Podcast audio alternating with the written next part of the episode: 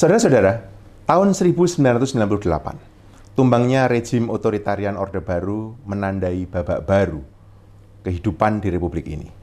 Menyambut reformasi, pembaruan di berbagai bidang dilakukan. Meski skalanya masih terus diperdebatkan, tapi diakui ada perubahan dan perkembangan dalam ruang kehidupan pembangunan dan kebangsaan. Banyak hal telah diraih, khususnya dalam pertumbuhan ekonomi dan pembangunan yang terkait dengan kesejahteraan rakyat, pembangunan infrastruktur, dan hal-hal yang menyangkut penghidupan banyak orang. Tapi, di balik segala capaian tersebut, seiring berjalannya waktu, ternyata dua hal penting, demokrasi dan tata negara kita, mengalami stagnasi jika tidak mau dikatakan sedang berjalan mundur. Kondisi terkini ada catatan kritis di bidang hukum, tata kelola, dan kapasitas negara.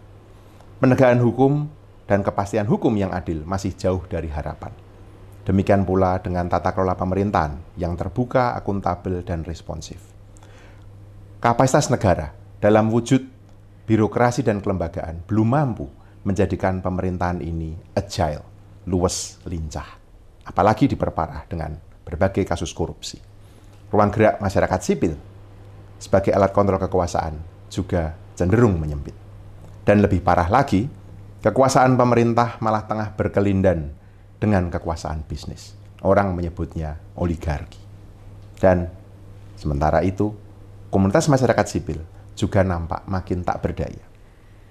Saudara-saudara, untuk membahas fenomena ini, Nalar Talks episode kali ini mengangkat topik demokrasi dan tata negara kita sedang tidak baik-baik saja. Kita akan berbincang-bincang dengan Mas Zainal Arifin Mohtar, lebih akrab disapa Mas Uceng. Mas Uceng ini seorang dosen di Fakultas Hukum Universitas Gajah Mada di Jogja. Dia juga seorang ahli hukum tata negara, seorang pegiat anti korupsi di Pusat Kajian Anti Korupsi atau PUKAT UGM. Dan tentu saja, dia aktif di banyak gerakan dan jaringan pro demokrasi. Nalar adalah kanal pengetahuan yang menyampaikan informasi, pendapat, perspektif, dan sudut pandang tentang kejadian atau peristiwa dalam kehidupan publik dalam dimensi sosial, teknologi, ekonomi, ekologi, politik, dan budaya. Selamat datang di kanal Nalar, mencari makna dalam peristiwa.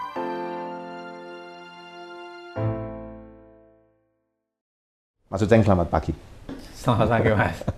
Bahagia Terima sekali loh saya ke sini tuh. Oh. Udah lama banget saya pengen ke sini tuh sebenarnya. Jadi ngeliatin aja gitu. Alhamdulillah akhirnya keundang juga ke sini. keundang juga. Ya, jangan begitu, Mas. Kita kita akan ngobrol-ngobrol Mas pagi ini dan dan dan uh, sekali lagi terima kasih Mas Uceng berkenan hadir di tengah-tengah kesibukan mengajar. Uh, saat ini sibuknya apa, Mas, selain ngajar? Um, selain ngajar, hmm. masih jadi penasehat di Pusat Kajian Anti Korupsi. Masih di pusat? Okay. Masih di pusat penasehat tapi. Hmm. Lalu um, karena sekarang ketua Departemen Hukum Tata Negara, jadi hmm. banyak kerja-kerja riset di di departemen itu ditangani. Hmm. Plus sekarang dengan teman-teman itu bikin um, caksana, jadi ada semacam lembaga uh, policy reform, hmm. ya itu digawangin oleh beberapa teman-teman ya yang sudah agak inilah uh, mantan mantan aktivis lama mantan, gitu. Mantan. Nah, jadi ada Mbak Zaki, ada Mas Hasro, ada banyak orang ah. gitu. Kita buat ya semacam kan biasanya kritik terbesar kalau kita bicara soal pemberantasan korupsi itu adalah hmm. selalu terlalu dimonopoli oleh pandangan uh, hukum gitu. Seakan-akan yeah. yeah. sama ketika kita bicara pukat itu kan salah satu kritik terbesarnya emangnya korupsi hukum. cuma masalah hukum. hukum. Nah, Caksana itu mencoba melebarkan itu dengan meng mengajak ke beberapa apa uh, hmm. tokoh dan aktivis lintas uh, tentu saja bukan hanya sekedar hukum jadi lebih multi multi perspektif gitu. Ini lebih ke think tank gitu mas ya? Atau ya baru dimulai. Baru dimulai. Jadi baru baru baru beberapa bulan gitu. Hmm. jadi ya harapannya begitu mau melakukan pendekatan menyempurnakan pendekatan yang selama ini terlalu hukum sih terlalu hukum gitu. minat ini sudah lama belum mas karena saya dengar cerita saya lupa siapa yang cerita tapi katanya dulu pernah nyoba daftar ke geologi malah sebelum masuk ke hukum. Lah kok jadi ke sini Mas itu gimana ceritanya itu gimana gitu? Iya, di podcastnya Mas BDM gitu. Saya Oh, ditanya kan, em, dulu daftar kuliahnya apa? Memang saya daftar kuliah biologi dulu. Jadi dulu pengen ke teknik. Dulu sebenarnya enggak. Dulu saya pengennya itu keluar masuk hutan. Oh. Jadi kayak jadi kayak keren banget kan gara-gara Iya, iya. ya racun National Geographic Iya, lah ya kan. benar, benar, National benar. Geographic nonton gitu, Discovery Channel. Jadi kayak keracun gitu kan. Kayaknya keren banget nih keluar masuk hutan gitu. Ah, Tapi ternyata ternyata keluar masuk kelas jadinya sekarang. apa yang membuat masuk ke hukum, Mas? Bukan karena nggak keterima di geologi atau, atau gimana? Itu. Ya pertamanya itu. Pertama itu. Jadi mulanya adalah em, apa? Karena nggak keterima. eh, dulu masih namanya UMPTN. Hmm. Iya, UMPTN. Zaman saya dulu juga Iya, UMPTN masih namanya. UMPTN nggak keterima. Lalu kemudian tahun berikutnya coba lagi, nggak keterima lagi. Nah, masuknya malah sastra Inggris.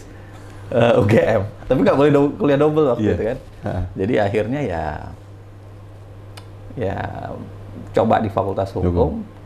Ternyata em, beberapa perseteruan apa ya eh, pergesekan dengan kasus.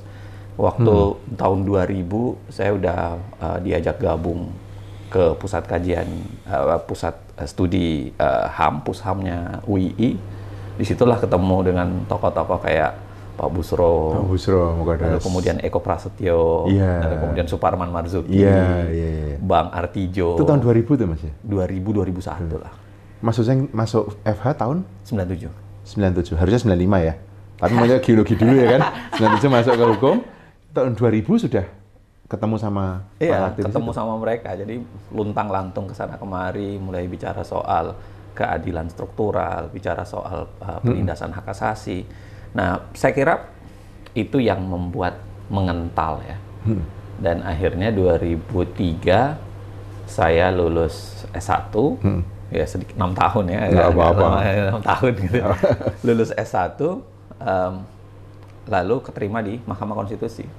Hmm. Pertama kali saya di Mahkamah Konstitusi. Oh, kerja pertama di sana? Di Mahkamah Konstitusi. Dan jadi em, staffnya Prof. Jimli. Jadi awalnya saya peneliti gitu. Ah, Iya, iya. Saya peneliti di em, sana. Nah, saya nulis di sebuah media seingat saya. Hmm. Prof. Jimli ngeliat, membaca. Lalu dia bilang, coba panggil nih anak nih. Mana ke saya lah, ke, ke saya lah ket- ketemu beliau Hmm. gitu. Ngobrol berdua, terus dia bilang, "Eh, udahlah kau bantuin saya jadi ini jadi apa kayak speech writer lah. Jadi nulisin beberapa hal, Ah. bukunya, Hmm. pidatonya beberapa hal gitu. Nyiapin lah naskahnya. Ya, 2003 Desember saya ada dengan Prof. Jimli gitu. Iya, iya, iya, iya. Wah, menarik ya, Mas. ya. Kalau Mas Uceng kan belajarnya hukum ya, Mas ya. Kalau kita lihat kondisi hukum sekarang gimana, Mas? Apakah benar ya yang tentu saja jawabannya bukan benar salah ya, Mas ya, tapi tapi seberapa sebenarnya kita ini bisa sungguh-sungguh berharap pada hukum penegakannya, tata kelolanya. Apalagi dengan berbagai drama yang muncul di media hari-hari ini. Saya kira em, kalau bicara hukum pun pada akhirnya kita harus pilah hukum yang kita bicarakan itu hukum apa? Karena hukum kan eh, sangat lebar ya. Ragamnya sangat banyak gitu. Ada, ada hukum eh, kalau sederhananya kan hukum publik hukum private. Ada hukum yang keluarga ada hukum yang berkaitan dengan negara. Hmm. nah saya kira em, wajah dua-duanya itu tidak eh, tidak baik ya. Wajah mungkin bopeng gitu. Iya. tapi ya mungkin ada wilayah yang tertambal ada wilayah yang tidak tertambal gitu. Ah. dan ada wilayah yang diperparah oleh perilaku em, negara ada wilayah yang diperparah dengan perilaku eh, bisnis, Bisnis. perilaku perilaku apa oligarki dan lain-lain sebagainya saya kira em, dan bukan khas Indonesia Bukan ya khas Indonesia. bukan khas Indonesia. Negara mana pun seperti misalnya kalau oligarki, ya negara mana pun juga menghadapi itu. Cuma relatif ada yang bisa ngerem, ya Nah, kan? benar. Tapi relatif ada yang nggak bisa ngerem. Misalnya kalau Fedi Hadis bilang Eropa Barat juga mengalami eh, masalah oligarki. Betul. Tapi misalnya dengan eh, komposisi partai buruh, partai eh, apa yang berani mengkritisi partai konservatif, dia lumayan bisa mengerem uh, laju oligarki di sana kan. Tidak juga untuk menjinakkan 100%, tapi Hmm. Nggak bisa yang dijinakkan begitu. juga itu. Betul. Betul, betul. Nah, di Indonesia itu yang menarik menurut saya karena kita kehilangan perspektif partai kan. Saya sering bilang begini, Mas. eh, nggak tahu, Mas Yanwar juga ahli dalam eh, soalan eh, kebijakan publik lah, pasti paham. Salah satu catatan saya belakangan itu adalah saya nggak tahu ya sumbangsi apa yang diberikan dari pembelahan ideologi nasionalis dengan demo- eh, nasionalis dengan agamis. Agama, betul. Betul. Itu malah membelah, Mas. malah membelah gitu. Dia alih-alih menyelesaikan masalah atau menyumbangkan perspektif, dia malah bukan eh, troubleshooter tapi jadi troublemaker kan. Iya, To some extent kan. Betul, setuju. Nah, bisa dibayangkan begini misalnya. Setuju. eh, kalau kalau kita bilang pembelahan, let's say contohnya misalnya Amerika lah. Hmm. Pembelahan konservatif dengan liberal. Hmm.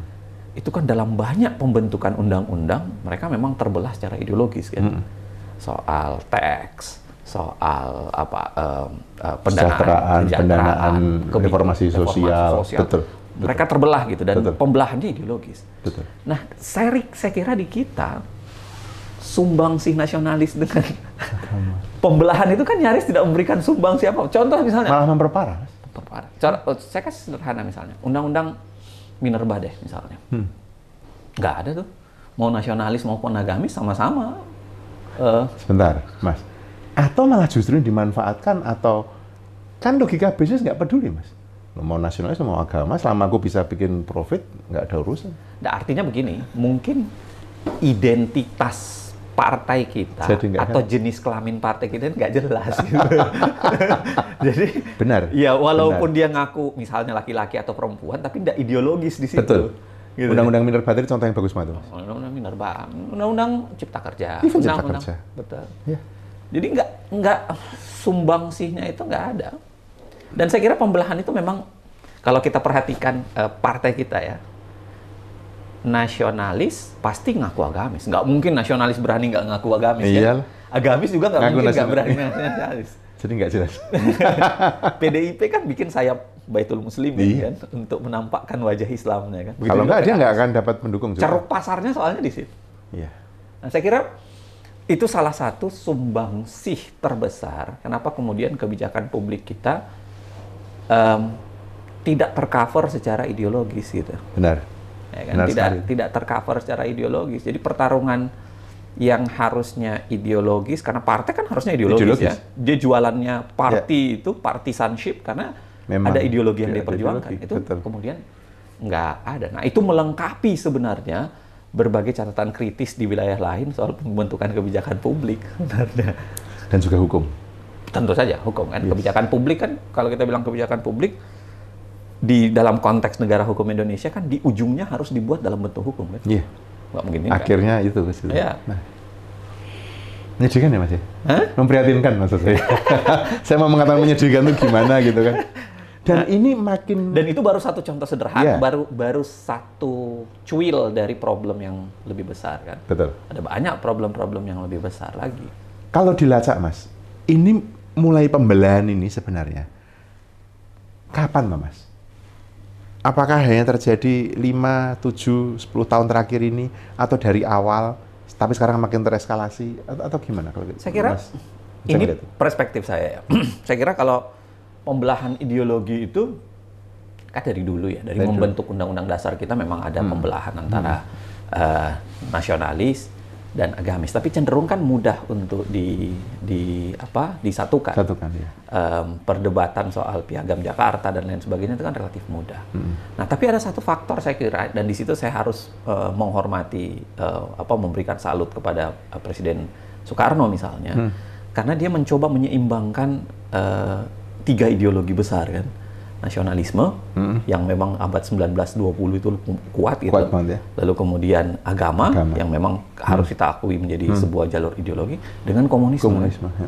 Dan tiga itu memberikan sumbangan, saya kira yang tidak kecil untuk em, pembangunan beberapa wilayah perspektif kebijakan di Indonesia. Saya kasih contoh sederhana, dengan segala kritik ya, UU PA 60, Undang-Undang Pokok Agraria Agraria. tahun 60, dengan segala kritik di dalamnya, saya kira salah satu undang-undang yang cukup banyak dipuji orang. Ya, Itu cukup progresif. Iya, kan? Saya masih ingat saya menangani reforma agraria, rujukan saya itu kok. Iya. Itu betul. Itu UPA padahal 60 itu. dibuat di tahun 60 ketika kondisi negara sedang tidak demokratis. Iya. Karena Orde Lama kan? Iya, Kita Soekarno setelah mengeluarkan dekrit 5 Juli 5 kan? Juli. Ya. Tapi karena ideologinya terkawal gitu, ada nasionalis, ada Agama, agamis, ada ada, komunis. komunis. gitu, dengan segala varian-varian di bawahnya, undang-undangnya relatif Bagus. menarik, Itu bagus tuh. ya kan? Saya membaca dan merujuk itu relevan ini undang-undang. Betul, Iya. betul. Undang-undangnya relatif menarik Betul. dan tidak juga long lasting, tapi lumayan kan? Lumayan itu. lumayan lumayan eh, kuat. Dan bagi saya undang-undang uh, UU PA itu, Mas, bisa memberi arah reforma agraria yang benar itu seperti Iya. apa. Itu saya waktu menangani reforma agraria saya pikir bagus betul loh Jalur pemihakannya kan jelas Iya, banget kan? Iya. Garis iya. itu. Nah sekarang itu nggak banyak ya, Mas. ya? Undang-undang seperti itu ya. Nah, Kalau kita lihat undang-undang cipta kerja, kita lihat undang-undang eh, tadi eh, minerba tadi, itu kan nggak begitu kelihatan ya secara ideologis. Enggak. Hmm. Enggak. Jadi perspektif yang dulu bisa terkawal itu nyaris menghilang gitu. Khususnya pasca Orde Baru kemudian Hmm. lahir, barangkali Mas Anwar pasti paham terus pembangunanisme masuk, mono perspektifnya menjadi lebih kuat Hmm. ya, pembangunanisme jatuhnya Soeharto ternyata tidak menghilangkan keseluruhan wajah itu kan. Karena kemudian lahir dengan wajah-wajah lain sampai sekarang. Sampai sekarang. Nah, saya kira makanya saya termasuk di- ketika ditanya teman-teman hadirnya partai buruh kan mulai sekarang mulai dibuat kan partai buruh, partai hijau. Warna hijau Saya kira itu bagus. baik Saya- ya. Itu hal yang bagus untuk menghidupkan kembali. Harapan saya di ke depan ya tentu saja adalah ada pengayaan ideologi kan, ada pengayaan wacana dalam pembentukan peraturan perundang-undangan. Dah. Supaya enggak lagi dibelah dengan cara nasionalis agamis yang belakangan itu nyaris ya dan barangkali oligarkinya juga sama di belakangnya. ya. oligarkinya nggak beda-beda. Kalau nonton Sexy Killers kan Eh, iya. mau sisi kiri mau, Mau sisi, kanan, pokoknya, sebenarnya iya, betul. eh, eh, oligarkinya juga sama. Yang gitu. penting mereka dapat untung, mau kiri atau kanan nggak peduli mereka ya kan. Mas, tapi menurut Mas Uceng sendiri, mengapa apa namanya ruang publik kita ini makin isinya tadi Mas tarik menarik kepentingan dia, bukan debat gagasan. Kalau dulu kan kalau kita melihat apalagi sejarah-sejarah di Eropa gitu ya, atau atau Indonesia sendiri dulu kan sangat kaya dengan debat gagasan. Tapi makin ke sini kayaknya enggak ya. Em, saya kira ada banyak faktor yang memberikan sumbangan, Mas Yanwar. Em, pertama tentu saja faktor dari sisi, em, saya kira memang gejala matinya demokrasi kan agak kencang ya. Kita harus akui bahwa Nantinya demokrasi. eh, apa eh, Daniel Ziblatt dengan Stephen Levitsky itu kan em, menuliskannya dengan cukup baik walaupun konteksnya Amerika, Amerika. pasca Trump, tapi kan eh, beberapa apa esensinya itu kelihatan di kita ketika em, gejala populisme ya kan merasa terpilih secara sangat populis itu kemudian dicobakan untuk eh, mengubah wajah demokrasi menjadi mobokrasi dan eh, kan gitu-gitu kan terjadi betul di kita Iya. seperti isu tiga periode Iya, isu-isu iya. yang sebenarnya membuat kita eh, jauh lebih riuh dibanding jauh lebih kerja gitu Iya. Nah, itu saya kira faktor yang pertama. Dan yang kedua saya kira tentu saja sumbangsi partai politik. Besar sekali sumbangsi partai politik. Karena partai politik mendegradasi sebenarnya kerja-kerja demokrasi menjadi hanya kerja-kerja elektoral saja. Hmm. Kerja-kerja demokrasi itu kan jauh lebih eh, subtil. Substansi. Ya, ya, jauh lebih Lebih jauh- subtle ya. Iya, Iya, iya, le- iya. lebih Iya. dalam daripada dalam. hanya sekedar kerja elektoral. Dan yang terjadi kan kerja elektoral gitu. Memenangkan, bagaimana membangun eh, basis elektoral dan menghilangkan banyak eh, apa? Nah, yang ketiga tentu saja ya karena partai politik kan eh, esensinya ada tetapi makin terbunuh kan. Hmm. Ya, misalnya em, itu tadi eh, pembelahan ideologinya makin tidak ada, plus pada saat yang sama mereka tidak terbiayai dengan baik, Hmm. Betul. ya kan? Mereka tidak terbiayai dengan baik dan akhirnya mereka cari uang haram dengan uang setengah halal ataupun uang uh, halal penuh itu kan uh, nyampur kan dengan karena mereka mesti memenuhi kepentingannya sendiri. Persis, riset-riset yang mengatakan bahwa um, partai politik butuh berapa setahun, hmm. sedangkan kapasitas kemampuan uangnya hanya berapa dengan tiga jalur yang diperbolehkan undang-undang yeah. itu kan, yeah. sumbangan berbatas, iuran anggota, iuran anggota. yang insya Allah nggak pernah ada yang bayar kali kan. sama APBN APBD yang memang kecilnya naujubillah kan. Iya. Yang membayar iuran anggota yang sudah jadi pejabat. Ya biasanya begitu, kan, begitu kan, iya. di, dipajakin, iya. dipajakin dari gaji anggota DPR atau iya. DPRD-nya kan. Iya. Dan saya kira um, faktor itu juga ikut menyumbangkan. Nah, ter, yang tidak kalah pentingnya dan ini mungkin orang sosiologi atau antropologi yang bisa menjelaskan. Ya. Saya kira gejala matinya kepakaran, hmm. ya kan. Um, uh, makin mendangkalnya uh, apa uh, isu substansi. Hmm, yeah. Orang lebih suka joget TikTok daripada uh, uh, apa uh, yeah. subscribernya Mas Yanuar gitu kan. gitu, gitu, gitu. Menurut saya yeah. mendangkalkan substansi itu um, memang tidak tidak bisa tidak bisa dihindarkan gitu. Menyumbangkan begitu yeah. banyak. Dan mereka kemudian jadi melayani kepentingannya sendiri ya Mas ya. Yang dia kejar kepentingannya sendiri kan jadi self-serving yeah, yeah, interest yeah, gitu kan yeah. yang kita garap.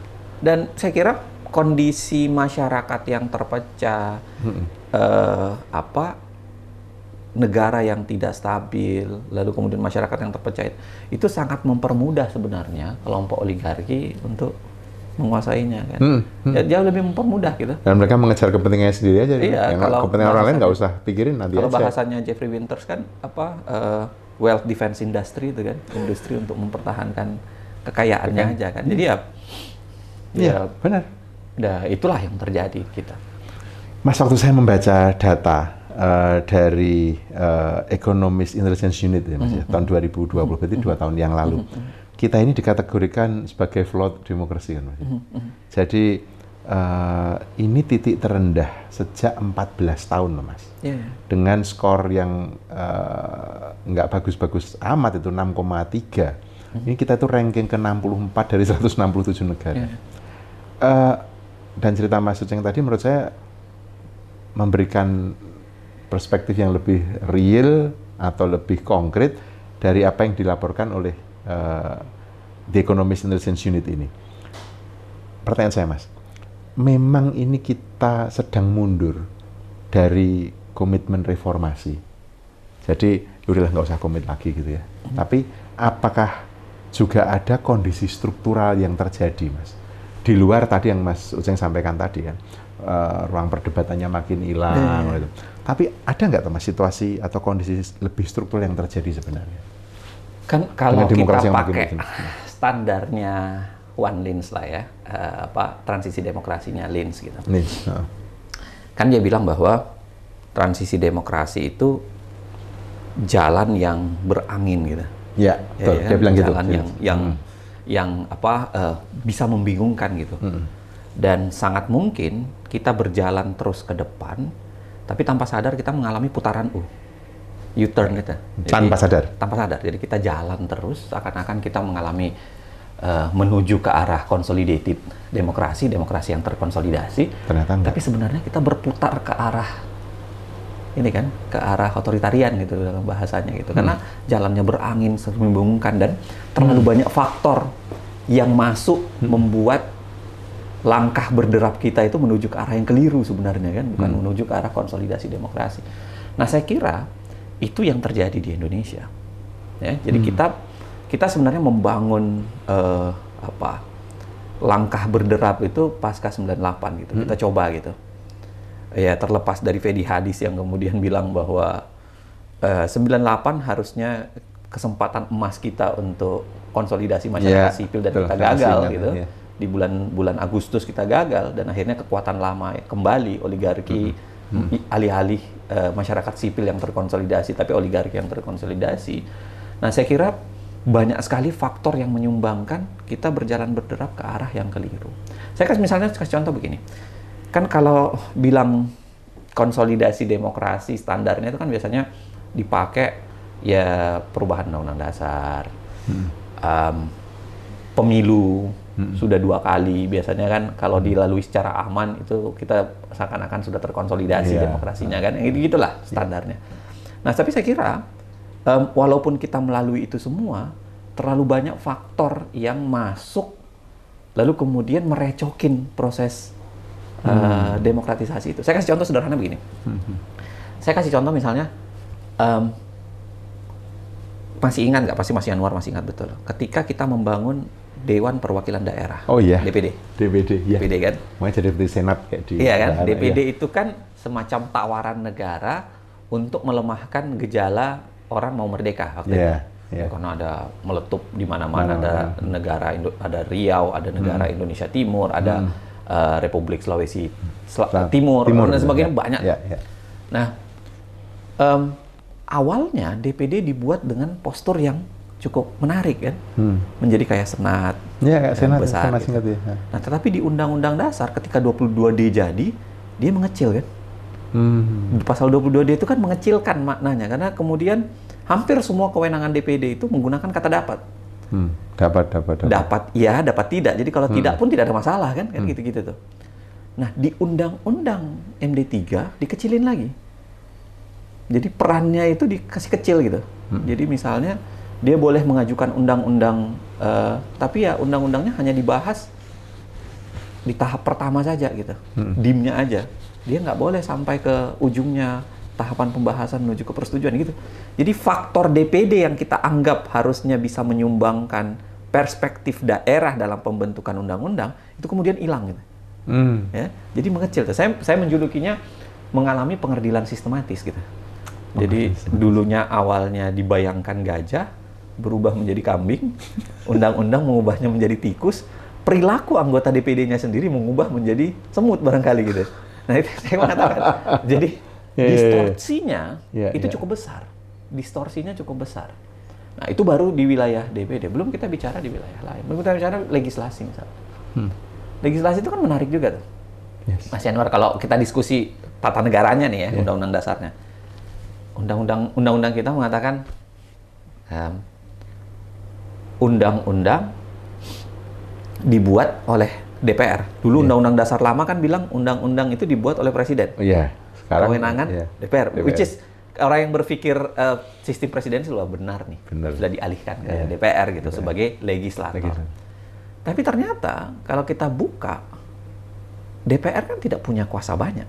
Sebenarnya yang punya kuasa tetap presiden. pemerintah ya, presiden. Karena semua undang-undang harus dibahas bersama presiden dan disetujui bersama presiden. Hmm. Yang kalau kita compare dengan negara lain rasanya nggak ada tuh. Negara dengan sistem presidensil Hmm. melibatkan presiden dalam pembahasan dan persetujuan undang-undang. Amerika kan nggak. Tetap DPR. Nah, DPR, DPR sama Senat aja yang bahas. Nanti Iya. di ujungnya disodorin presiden mau tanda tangan atau tidak. Ya. Nah di kita kan nggak begitu. Pembahasannya saya ikut pemerintah. Pembahasannya udah ikut. Ya. ya dan jadi lucu misalnya begini kok bisa ada undang-undang sudah dibahas bersama dengan pemerintah disetujui bersama dengan pemerintah tapi presiden nolak tanda tangan kan kita kasih contoh banyak kan Iya, iya, undang-undang iya. MD3 Iya. undang-undang KPK KPK. Ya. kan nggak ditantanganin presiden tuh Ya. jadi orang masih nanya lah anda kan udah bahas bersama dan setujui bersama yang Ya. ayat 5-nya itu kan bilang begini. 30 hari setelah presiden tidak tanda tangan, undang-undang RU tetap jadi undang-undang. Orang kalau berpikir hukum tata negara, ya apa gunanya masa menunggu 30 hari itu kalau gitu? Jadi pemerintah presiden ikut membahas. Ikut membahas kan? Pasal 20. Ya. Tapi dia Ikut menyetujui. ikut ikut membahas, ikut menyetujui. Aha. Tapi kalau dia tidak mau tanda tangan, Tapi dia boleh tidak tanda tangan. Lebih ya? Maksudnya, mak- artinya kuat gede sekali kekuasaannya ya. iya. Negara lain nggak ada kayak gini mas ya? Saya pernah riset dengan eh, Saldi Isra tahun 2009 saya ingat saya 2009 2010 kita mengcompare beberapa negara dengan sistem presidensil dengan parlemen dengan eh, parlementer. Nggak ada negara sistem presidensil menggunakan model ini. Cuma Kalau parlementer ada. Ya. Nah, itu yang membuat kenapa banyak orang mengatakan sistem legislasi kita adalah sistem legisla eh, model legislasi dalam sistem presiden eh, parlementer. Hmm. Karena memang iya kalau Karena kita itu presidensial. dan kita presidensil gitu. Tapi praktik legislasinya adalah pra- praktik parlementer. Parlementer. Almarhum Fajrul Falah itu sampai bilang parlamentarisme lewat pintu belakang gitu. jadi, jadi kayak jadi yang gitu-gitu tuh kita. Oke. mengalami em, itu baru dua dari sekian banyak contoh gitu. Nah belum lagi kalau kita contoh yang yang lain gitu. Sejauh mana mas masyarakat sipil kita ya paham ini mas seperti ini gitu. Dan Saya kemudian kira- bisa mencari celah gitu kan untuk untuk mendorong proses yang lebih. Tadi kita kalau kita U-turn tadi kan untuk mengembalikan lagi gitu. Nah, saya kira em, biasanya kalau kita baca beberapa eh, apa em, buku berkaitan dengan bagaimana mengkonsolidasikan demokrasi, transisi, transitional justice, em, saya kira biasanya memang harus ada momentum, Perlu momentum ya. perlu momentum untuk membalik kembali kan, untuk membalik kembali putaran karena putaran U kita balik lagi. Gitu. Nah, cuma ini dia momentumnya itu kan tentu kita tolak kalau momentumnya adalah momentum yang kita bayangkan seperti momentum berdarah, Iya, gitu kan kita benar. nolak tuh, Benar. ya kan? Nah, itu yang selalu kita bayangkan, yang selalu saya bayangkan, momentum itu adalah momentum pemilu sebenarnya. Hmm. Kan kalau orang hukum tata negara bilang pemilu itu adalah kudeta yang paling konstitusional ya. Pemilu adalah kudeta yang paling konstitusional. Iya. Benar. Iya, iya. Pemilu itu kan kudeta yang paling konstitusional gitu. Iya. Kita bisa mengganti rejim dan pemerintahan, Lewat cara demokratis. tapi lewat cara demokratis. Gitu. Betul. dan saya nggak tahu ya, Mas Yanwar punya penilaian yang sama apa enggak dengan saya.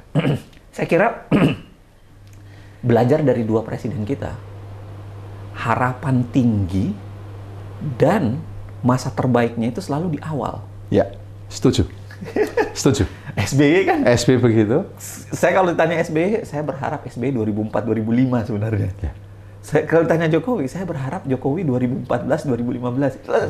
Selalu begitu tuh. Kenapa? Karena memang yang kita bayangkan momentum itu jangan berdarah. Udahlah, kita sudah Iya, udah lewat. karena sosial cost-nya terlalu tinggi, banyak banget Eh, kalau nyawa di, di sudahlah dan itu bukan eh, bukan bukan harusnya bukan jalan yang kita tempuh. Nah, saya kira seharusnya pemilu itu adalah em, apa? Jadi momentum. Momentumnya. Untuk membalik tadi. itu ya. membalik itu tadi. Nah, sayangnya dari em, pemilu ini kemungkinan kan 2024 akan terbajak kan lewat ide-ide tiga periode, lalu kemudian lewat mengerdilkan, eh, memaksa presidensial threshold menjadi itu itu saja, lalu kemudian pembelahan dipaksakan harus cebong dengan kampret lagi, ini gitu kan? Dan kalau nggak setuju ke sana dikriminalisasi. Gitu. Iya, Apa betul, itu? betul, betul. Iya, iya. Dan dan pembelahannya kencang sekali kan, mengkritik Betul. Pak Jokowi langsung dicap kadrun pasti di, di Oh iya, di- sekarang kritik itu dianggap anti kok mas. Iya. Saya masih ingat tuh mas, ya waktu Greenpeace dipolisikan tuh, setelah mengkritik eh, pidato presiden kan ya soal Iya, deforestasi betul, di betul, betul. COP Betul, 26 betul. itu kan. Eh, anda melihat situasi ini gimana mas? Eh, Gimana Anda melihat situasi organisasi masyarakat sipil yang apakah benar memang hanya karena tekanan negara kayak kasus Greenpeace tadi gitu ya? Atau memang masyarakat sipil sendiri juga sudah mulai tercerai-berai karena soal tadi? Saya kira ada banyak faktor mas, karena Hmm. begini ya, kalau dulu wajah, kalau misalnya di zaman eh, Pak Harto ya, wajah negara itu kan hadir dalam bentuk militer, Betul, ya kan, jadi ancamannya itu adalah fisik, fisik. militer gitu. Nah dan sentralistis. Sekarang saya kira ancamannya itu jadi berganda.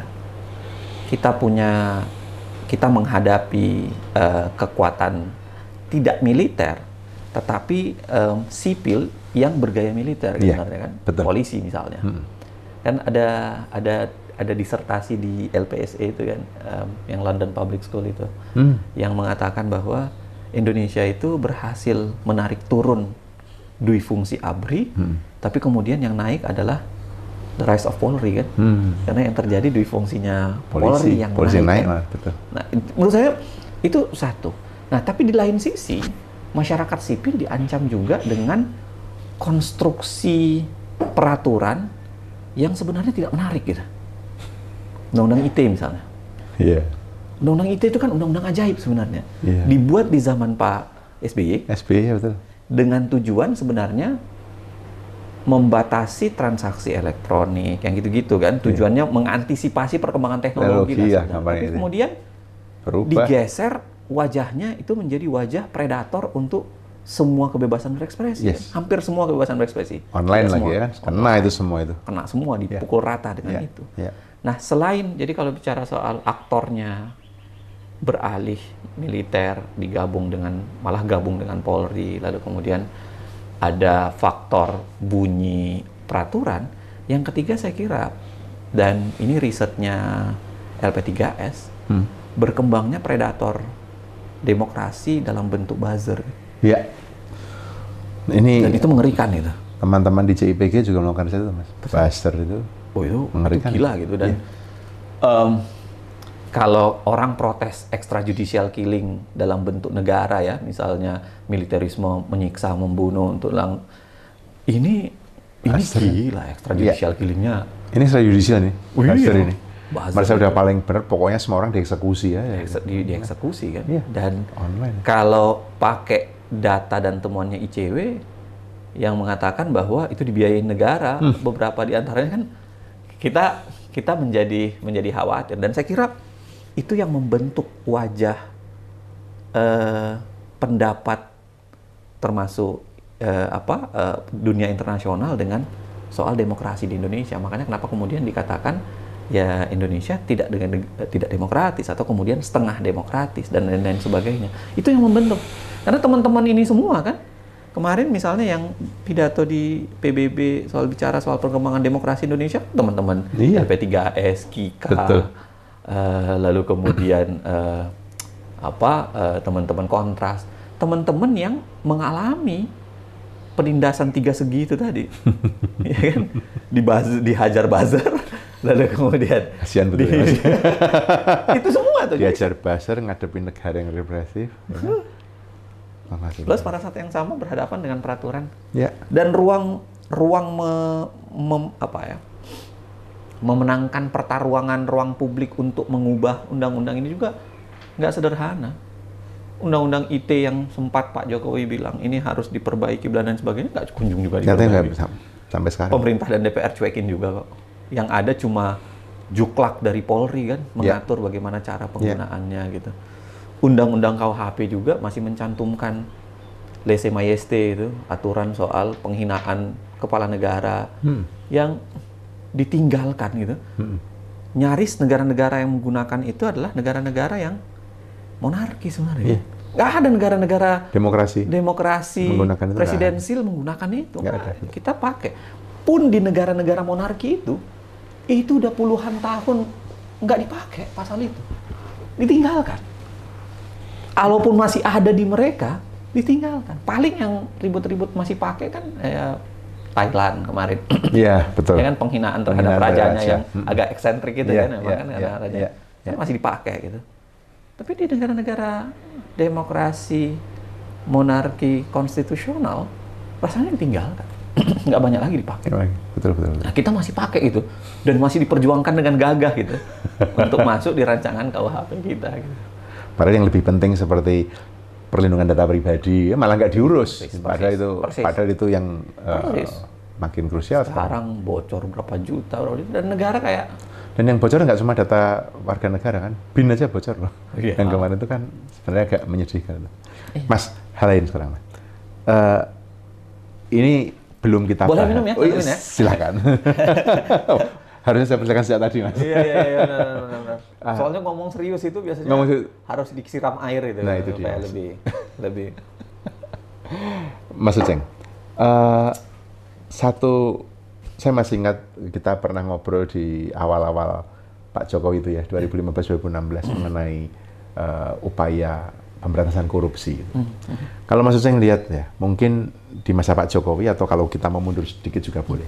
Tapi sebenarnya dinamika atau gerak pemberantasan korupsi kita itu seperti apa, Mas? Karena makin ke sini, kalau kita lihat berita-berita itu, itu mohon maaf kalau saya, pakai kata menyebalkan. Iya. Kok ya kayak gini ya case-nya ya?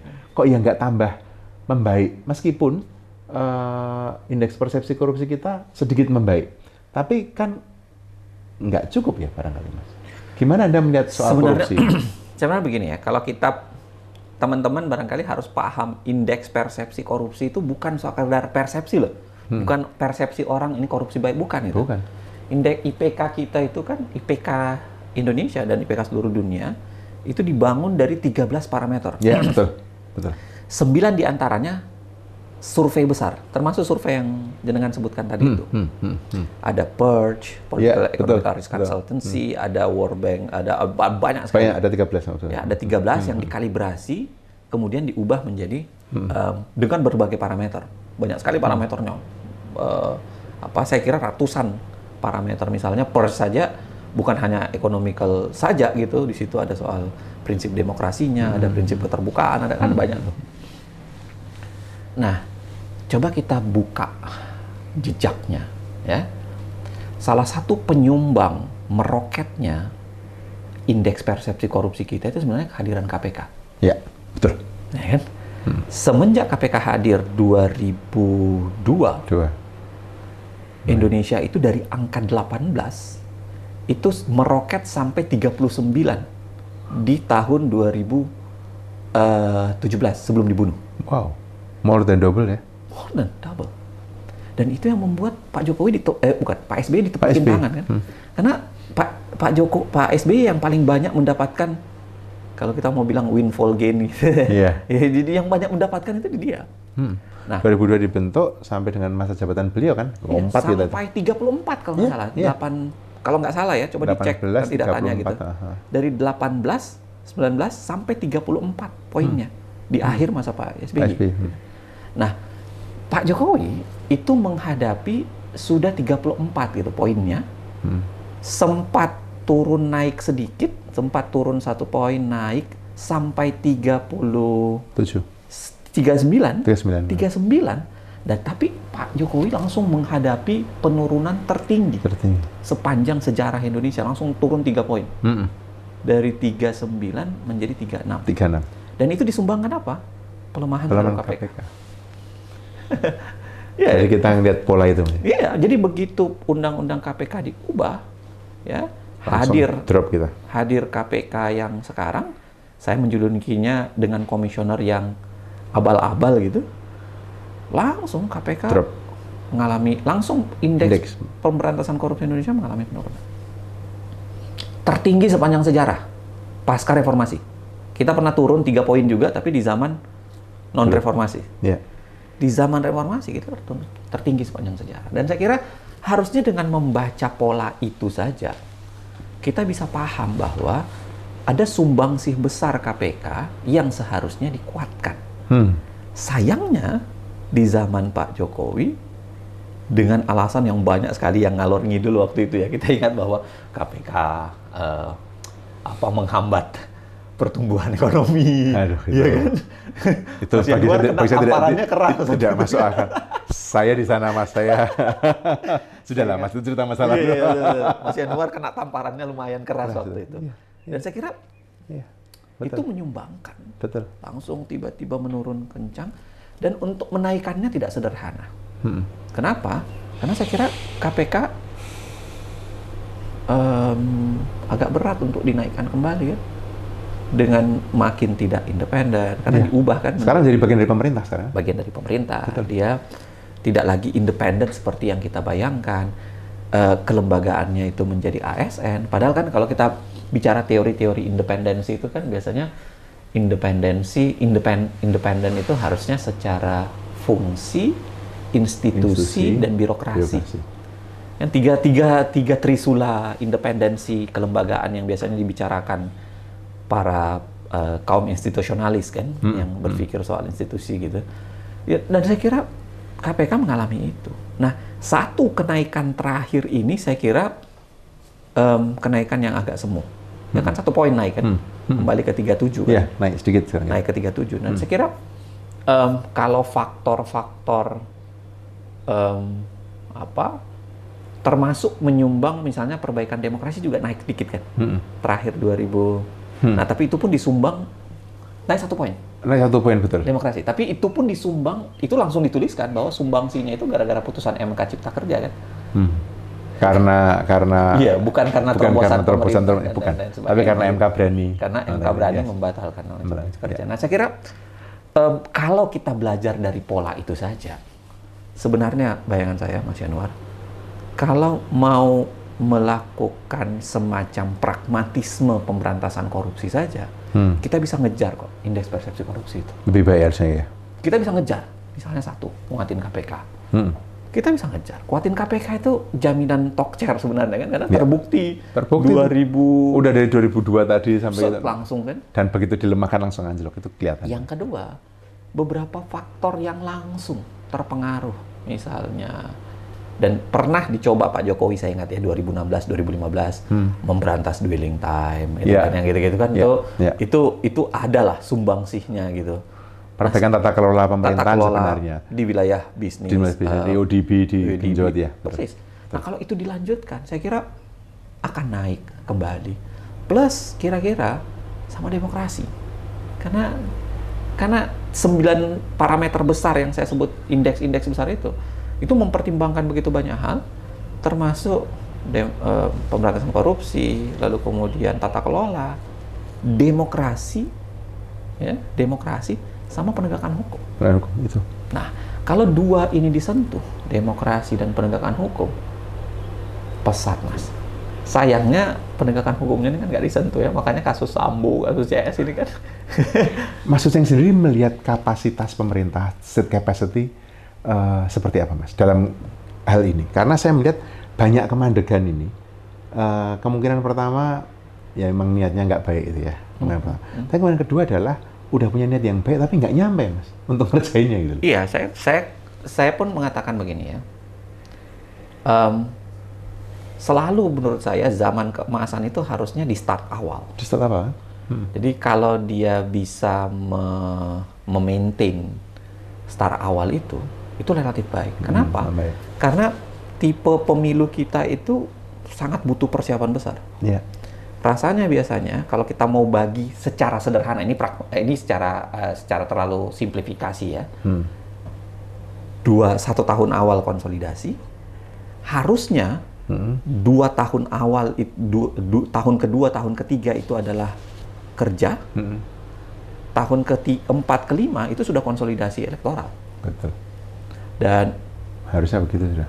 nah saya kira du satu tahun awal itu konsolidasinya kepanjangan ya dua tahun kerja tidak dipakai dengan uh, optimal dan dua tahun terakhir elektoral sudah mulai terlalu riuh Betul. dan itu yang menghambat Pak Jokowi sekarang Iya. ya saya kasih cara contoh sederhana saja Em, sekarang sudah dua tahun menjelang pemilu semua partai sudah sibuk menyalakan mesinnya Udah.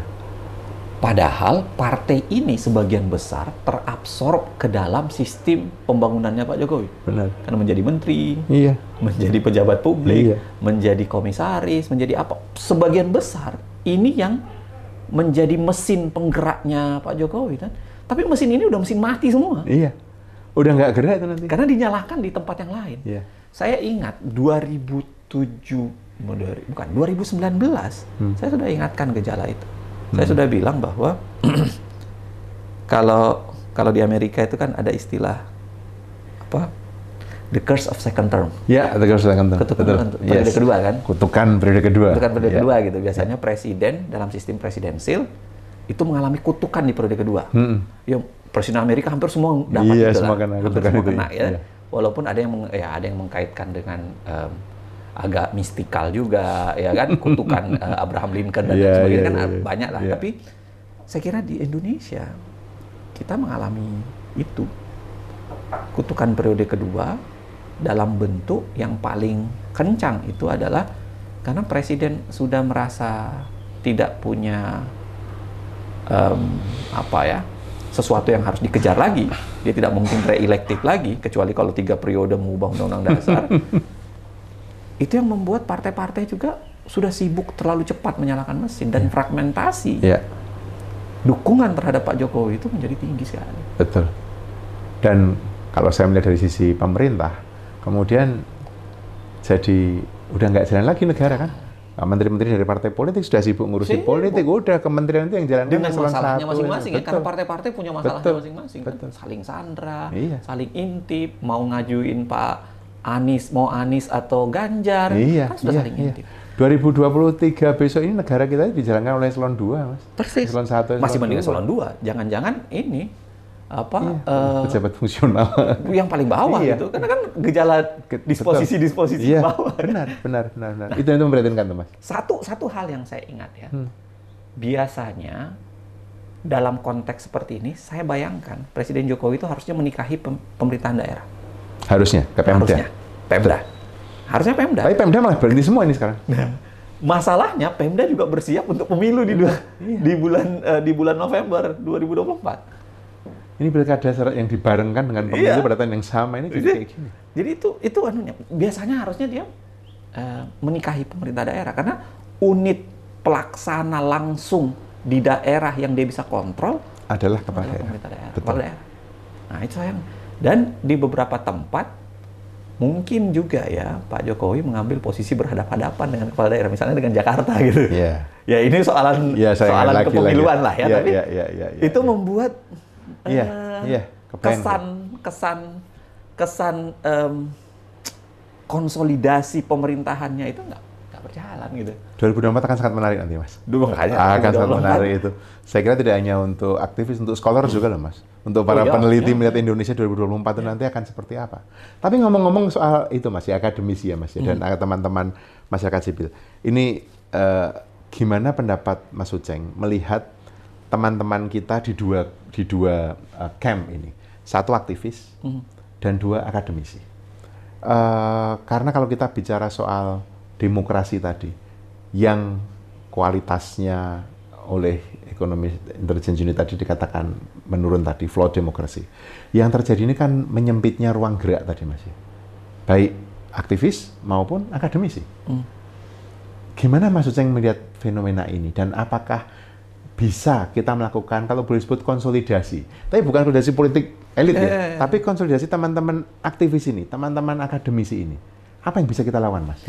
Kalau kalau ingat tulisannya Fedi Hadis, Hmm. dia sih sendiri bilang bahwa kemampuan oligarki itu luar biasa Ya. karena dia mampu memecah masyarakat sipil sama uh, akademisi, itu Hmm. Akademisi. kan sebenarnya uh, dipecah. Jadi kadang-kadang Itu kita mau ngomong soal kendeng lah, soal wadas Betul, betul. lah. Jadi- masyarakat sipilnya pecah, akademisi nggak Iya. pecah. Lapindo sejak dulu malah. Betul. Iya, iya. Jadi ada agenda Hmm.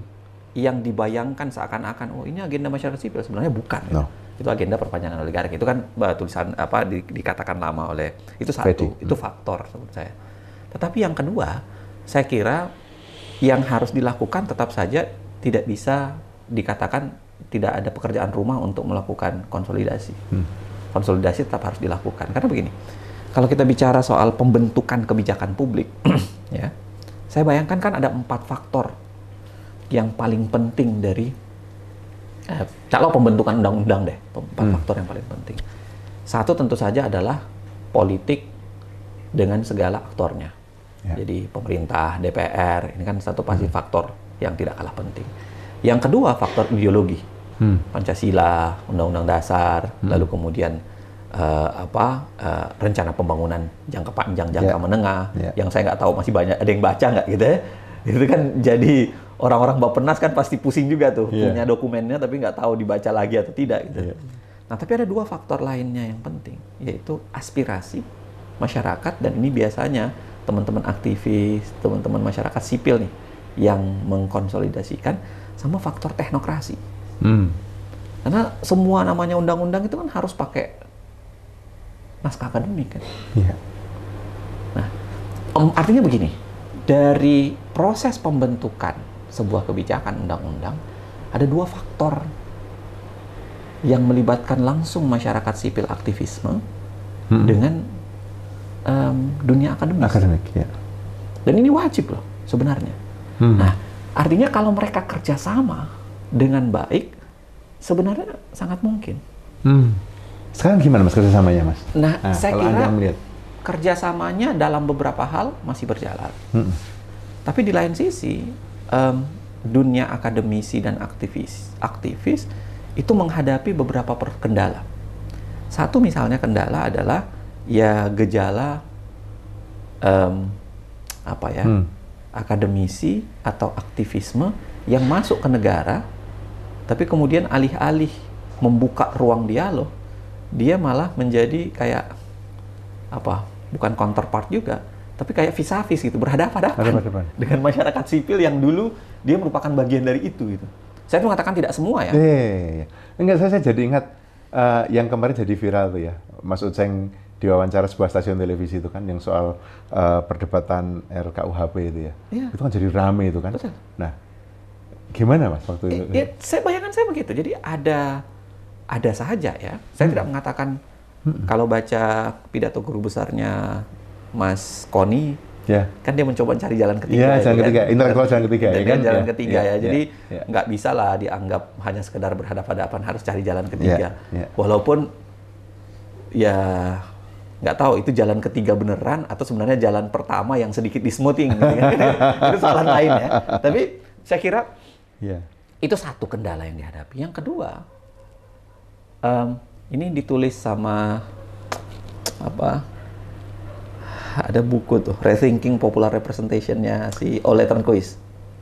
Oh, ah, Ton Chris ya, ya, Ole ya, sama benar, siapa benar, gitu? Ya, ya. Ian Stoke ya? Ian Stoke sama Ole Saya Turnquist kalau nggak salah. Iya, iya. Eh, Rethinking of Popular Representation. Dia bilang bahwa kadang-kadang pembentukan kebijakan publik kita itu dirampas oleh dua dua hal. Satu adalah politisi, Hmm. yang kedua adalah akademisi. Akademisi. Iya. Ruang itu jadi seakan-akan akademisi tampil membahasakan suara publik, padahal sebenarnya nggak juga, belum tentu. Kan Malah mungkin menjinakkan suara publik yang terjadi. bisa jadi. Iya. Atau barangkali pertanyaannya yang tentu dalam konteks berbeda ya. Hmm. Misalnya kalau kita pinjam gaya Tris Spivak gitu. Ah, Can subaltern speak? yes. Ya kan?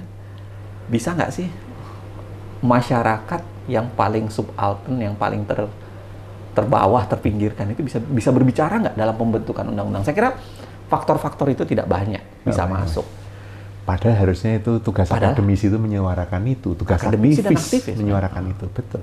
Ini jadi ingat dari IKN kan Mas ya, 20 ribu orang dari 21 suku yang ada di daerah IKN nggak dapat kesempatan ngomong loh Mas. Persis. Ini yang Persis. tadi omongan yang kita Hampir baru aja kita ratusan omongin. itu. Iya, jadi bisa nggak sih eh, kaum subaltern itu, Hmm. walaupun gaya Tris Spivak dalam konteks sedikit berbeda ya, Hmm.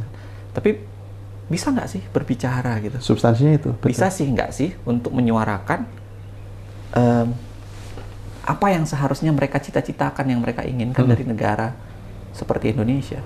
Nah, saya kira gejala pembajak jadi gini, gejala em, tentu tidak saya mengatakan bahwa aktivis juga tetap ada ya Hmm. dan dan eh, apa orang-orang yang tetap eh, eh, apa akademisi yang bekerja di jalur itu tetap ada atau dia nggak dia nggak merasa sebenarnya terbajak tapi sebenarnya dia ikut dalam langgam tertentu itu yang membuat em, gejala aktivisme dan eh, akademisi agak agak kurang bisa eh, bersatu dalam Ya, dalam dalam hal tertentu.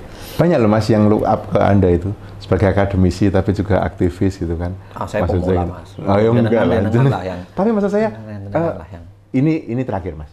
Anda sendiri melihat secara umum teman-teman akademisi kita gimana Mas? Eh, apakah ini kalau saya pakai Gramsci ya Mas ya, intelektual organik dan intelektual tradisional. Hmm. Eh. Eh, di kita gimana saat hari-hari ini Mas? Saya tuh kepinginnya sih ba- lebih banyak yang intelektual organik ya Mas ya, yang Iya, terlibat iya, gitu kan. iya. Tapi bagaimana Anda melihatnya? Saya kira dan ini otokritik buat dunia kampus ya, dunia kampus. Saya kira satu, saya pernah diskusi dengan Mas eh, Prof Sigit Rianto. Oh, Sekitianto, ya. Maaf. Ya. Saya kira saya mengamini beberapa perspektif dia. Hmm. Satu sisi em, tentu eh, ada ada ada nuansa ketika rezim mencoba menjinakkan dunia akademis. Hmm. Sesuatu yang seharusnya tidak terjadi. Hmm. Saya kasih contoh sederhana Harvard dia menyumbang banyak begitu banyak presiden, Hmm. tapi begitu presiden terpilih dia kembali ke tengah kan Hmm. untuk melakukan kritisi, Hmm. bukan kemudian untuk larut dan membenarkan apa pun yang ingin dikatakan oleh Oleh presiden. presidennya. gitu. Saya kira universitas Mesti begitu. harusnya bersifat bersikap seperti itu. Tapi Hmm. kemudian ketika mereka di dikontaminasi atau di, di apa di, dimasukin itu dengan mudah kemudian universitas menjadi semacam stempel dan itu melahirkan barangkali generasi eh, yang bukan lagi intelektual organik atau intelektual klasik tapi betul intelektual oportunis sebenarnya kan satu sisi. Iya.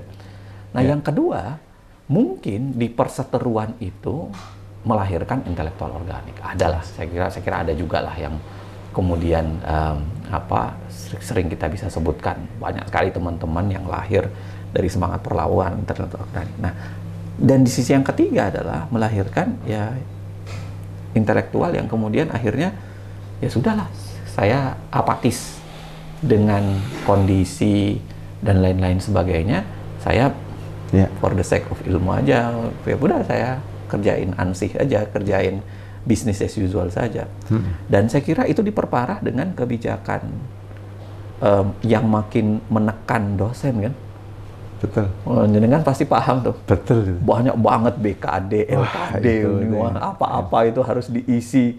Membuat kita kehilangan waktu yang substantif untuk ngajar dan meneliti, Waktu tapi jadi administratif, betul. Persis. Dan saya kira juga negara udah jarang lagi menyediakan porsi-porsi yang cukup untuk seorang dosen bisa melakukan kontemplasi kan. Iya. Saya kira sabatikal nggak ada kan, Nggak umum, Mas. nggak umum. Iya, orang harus meminta, menuntut atau bahkan Iya mengajukan. dan ajukannya kan juga terbatas kan Iya. PDP dan Betul, sebagainya secara sederhana gitu. Iya. Saya kira padahal harusnya itu menjadi kayak rutinitas. Mm-mm. Dosen itu kalau sudah empat tahun lima tahun ngajar harusnya Perlu di overhaul gitu. Iya, iya. Dan juga sebenarnya dengan kebijakan Merdeka Belajar sekarang kan kampus Merdeka itu bukan hanya ke industri, Mas. Tapi Betul. anak-anak mahasiswa itu ke LSM itu kan, Betul, ke CSO, betul, ke gerakan-gerakan itu harusnya Betul. dihitung itu. Harusnya. Iya, iya. Nah, saya kira ruang-ruang itu yang membuat eh, dosen dan menurut saya itu otokritik, itu tamparan buat kita semua termasuk saya. Iya. Cermin yang menunjukkan wajah kita, wajah para akademisi itu tidak kita semua ya, tidak sedang eh, baik-baik saja dan mudah-mudahan ada upaya untuk tidak menuduh bahwa eh, cerminnya yang terpecah gitu. Akhirnya kayak gitu ya, kira-kira begitulah. Mas Zeng, terima kasih sekali. Wah, Eh, nggak- nggak kalau terasa enak banget ngobrolnya.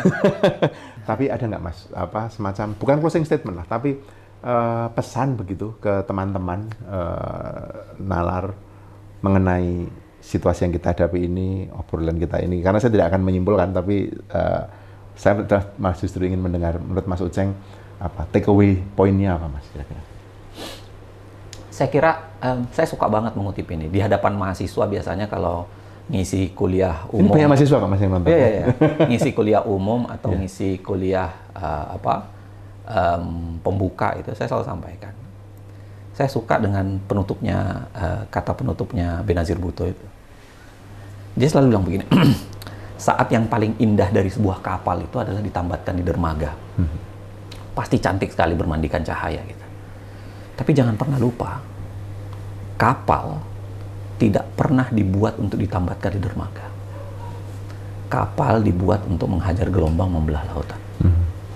Nah, saya kira dunia-dunia akademisi, aktivisme, ya, kerja-kerja masyarakat sipil dan lain-lain sebagainya, itu tidak pernah dibuat untuk hanya sekedar ditambatkan di dermaga, tampil di TV, ya, dengan bedak, dengan, dengan bukan bukan itu saya kira. Tapi ketika dia membelah lautan persoalan dan menghajar samudra yang penuh apa penuh problem itu.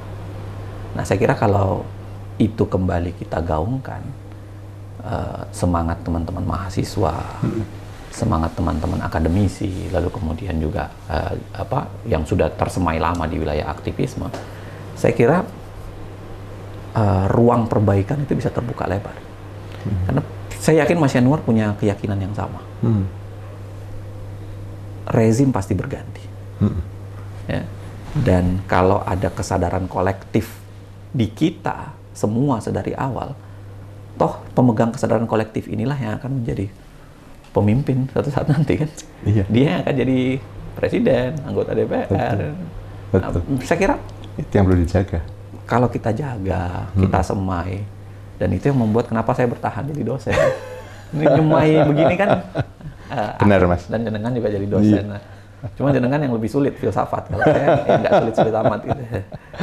Terima kasih uh, Mas Uceng atas, atas waktunya. Uh, ya.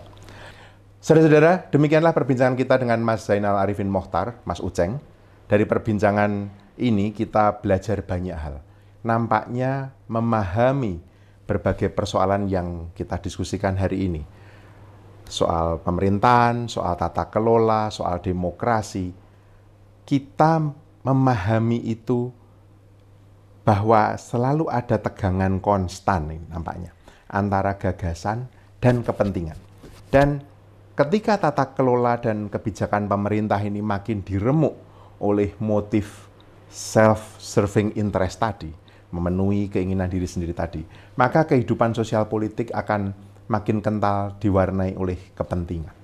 Bukan perdebatan tentang ideologi atau tentang gagasan menuju ke perbaikan. Dan lebih lanjut saya kira dari catatan kita hari ini, meski eh, tidak tampak rupa fisiknya, tapi soal-soal hukum, tata kelola, kapasitas negara, demokrasi, sebenarnya adalah sendi dasar kemajuan bangsa ini. Saudara-saudara, tidak ada negara besar, maju, dan nyaman ditinggali warganya hanya dengan infrastruktur ekonomi modern, tanpa kepastian hukum, tata kelola pemerintahan, dan kapasitas negara yang memadai, serta ruang demokrasi dan kebebasan sipil. Terima kasih sudah mendengarkan podcast ini. Semoga kita bisa menemukan makna dan pemahaman yang lebih dalam bersama Nalar.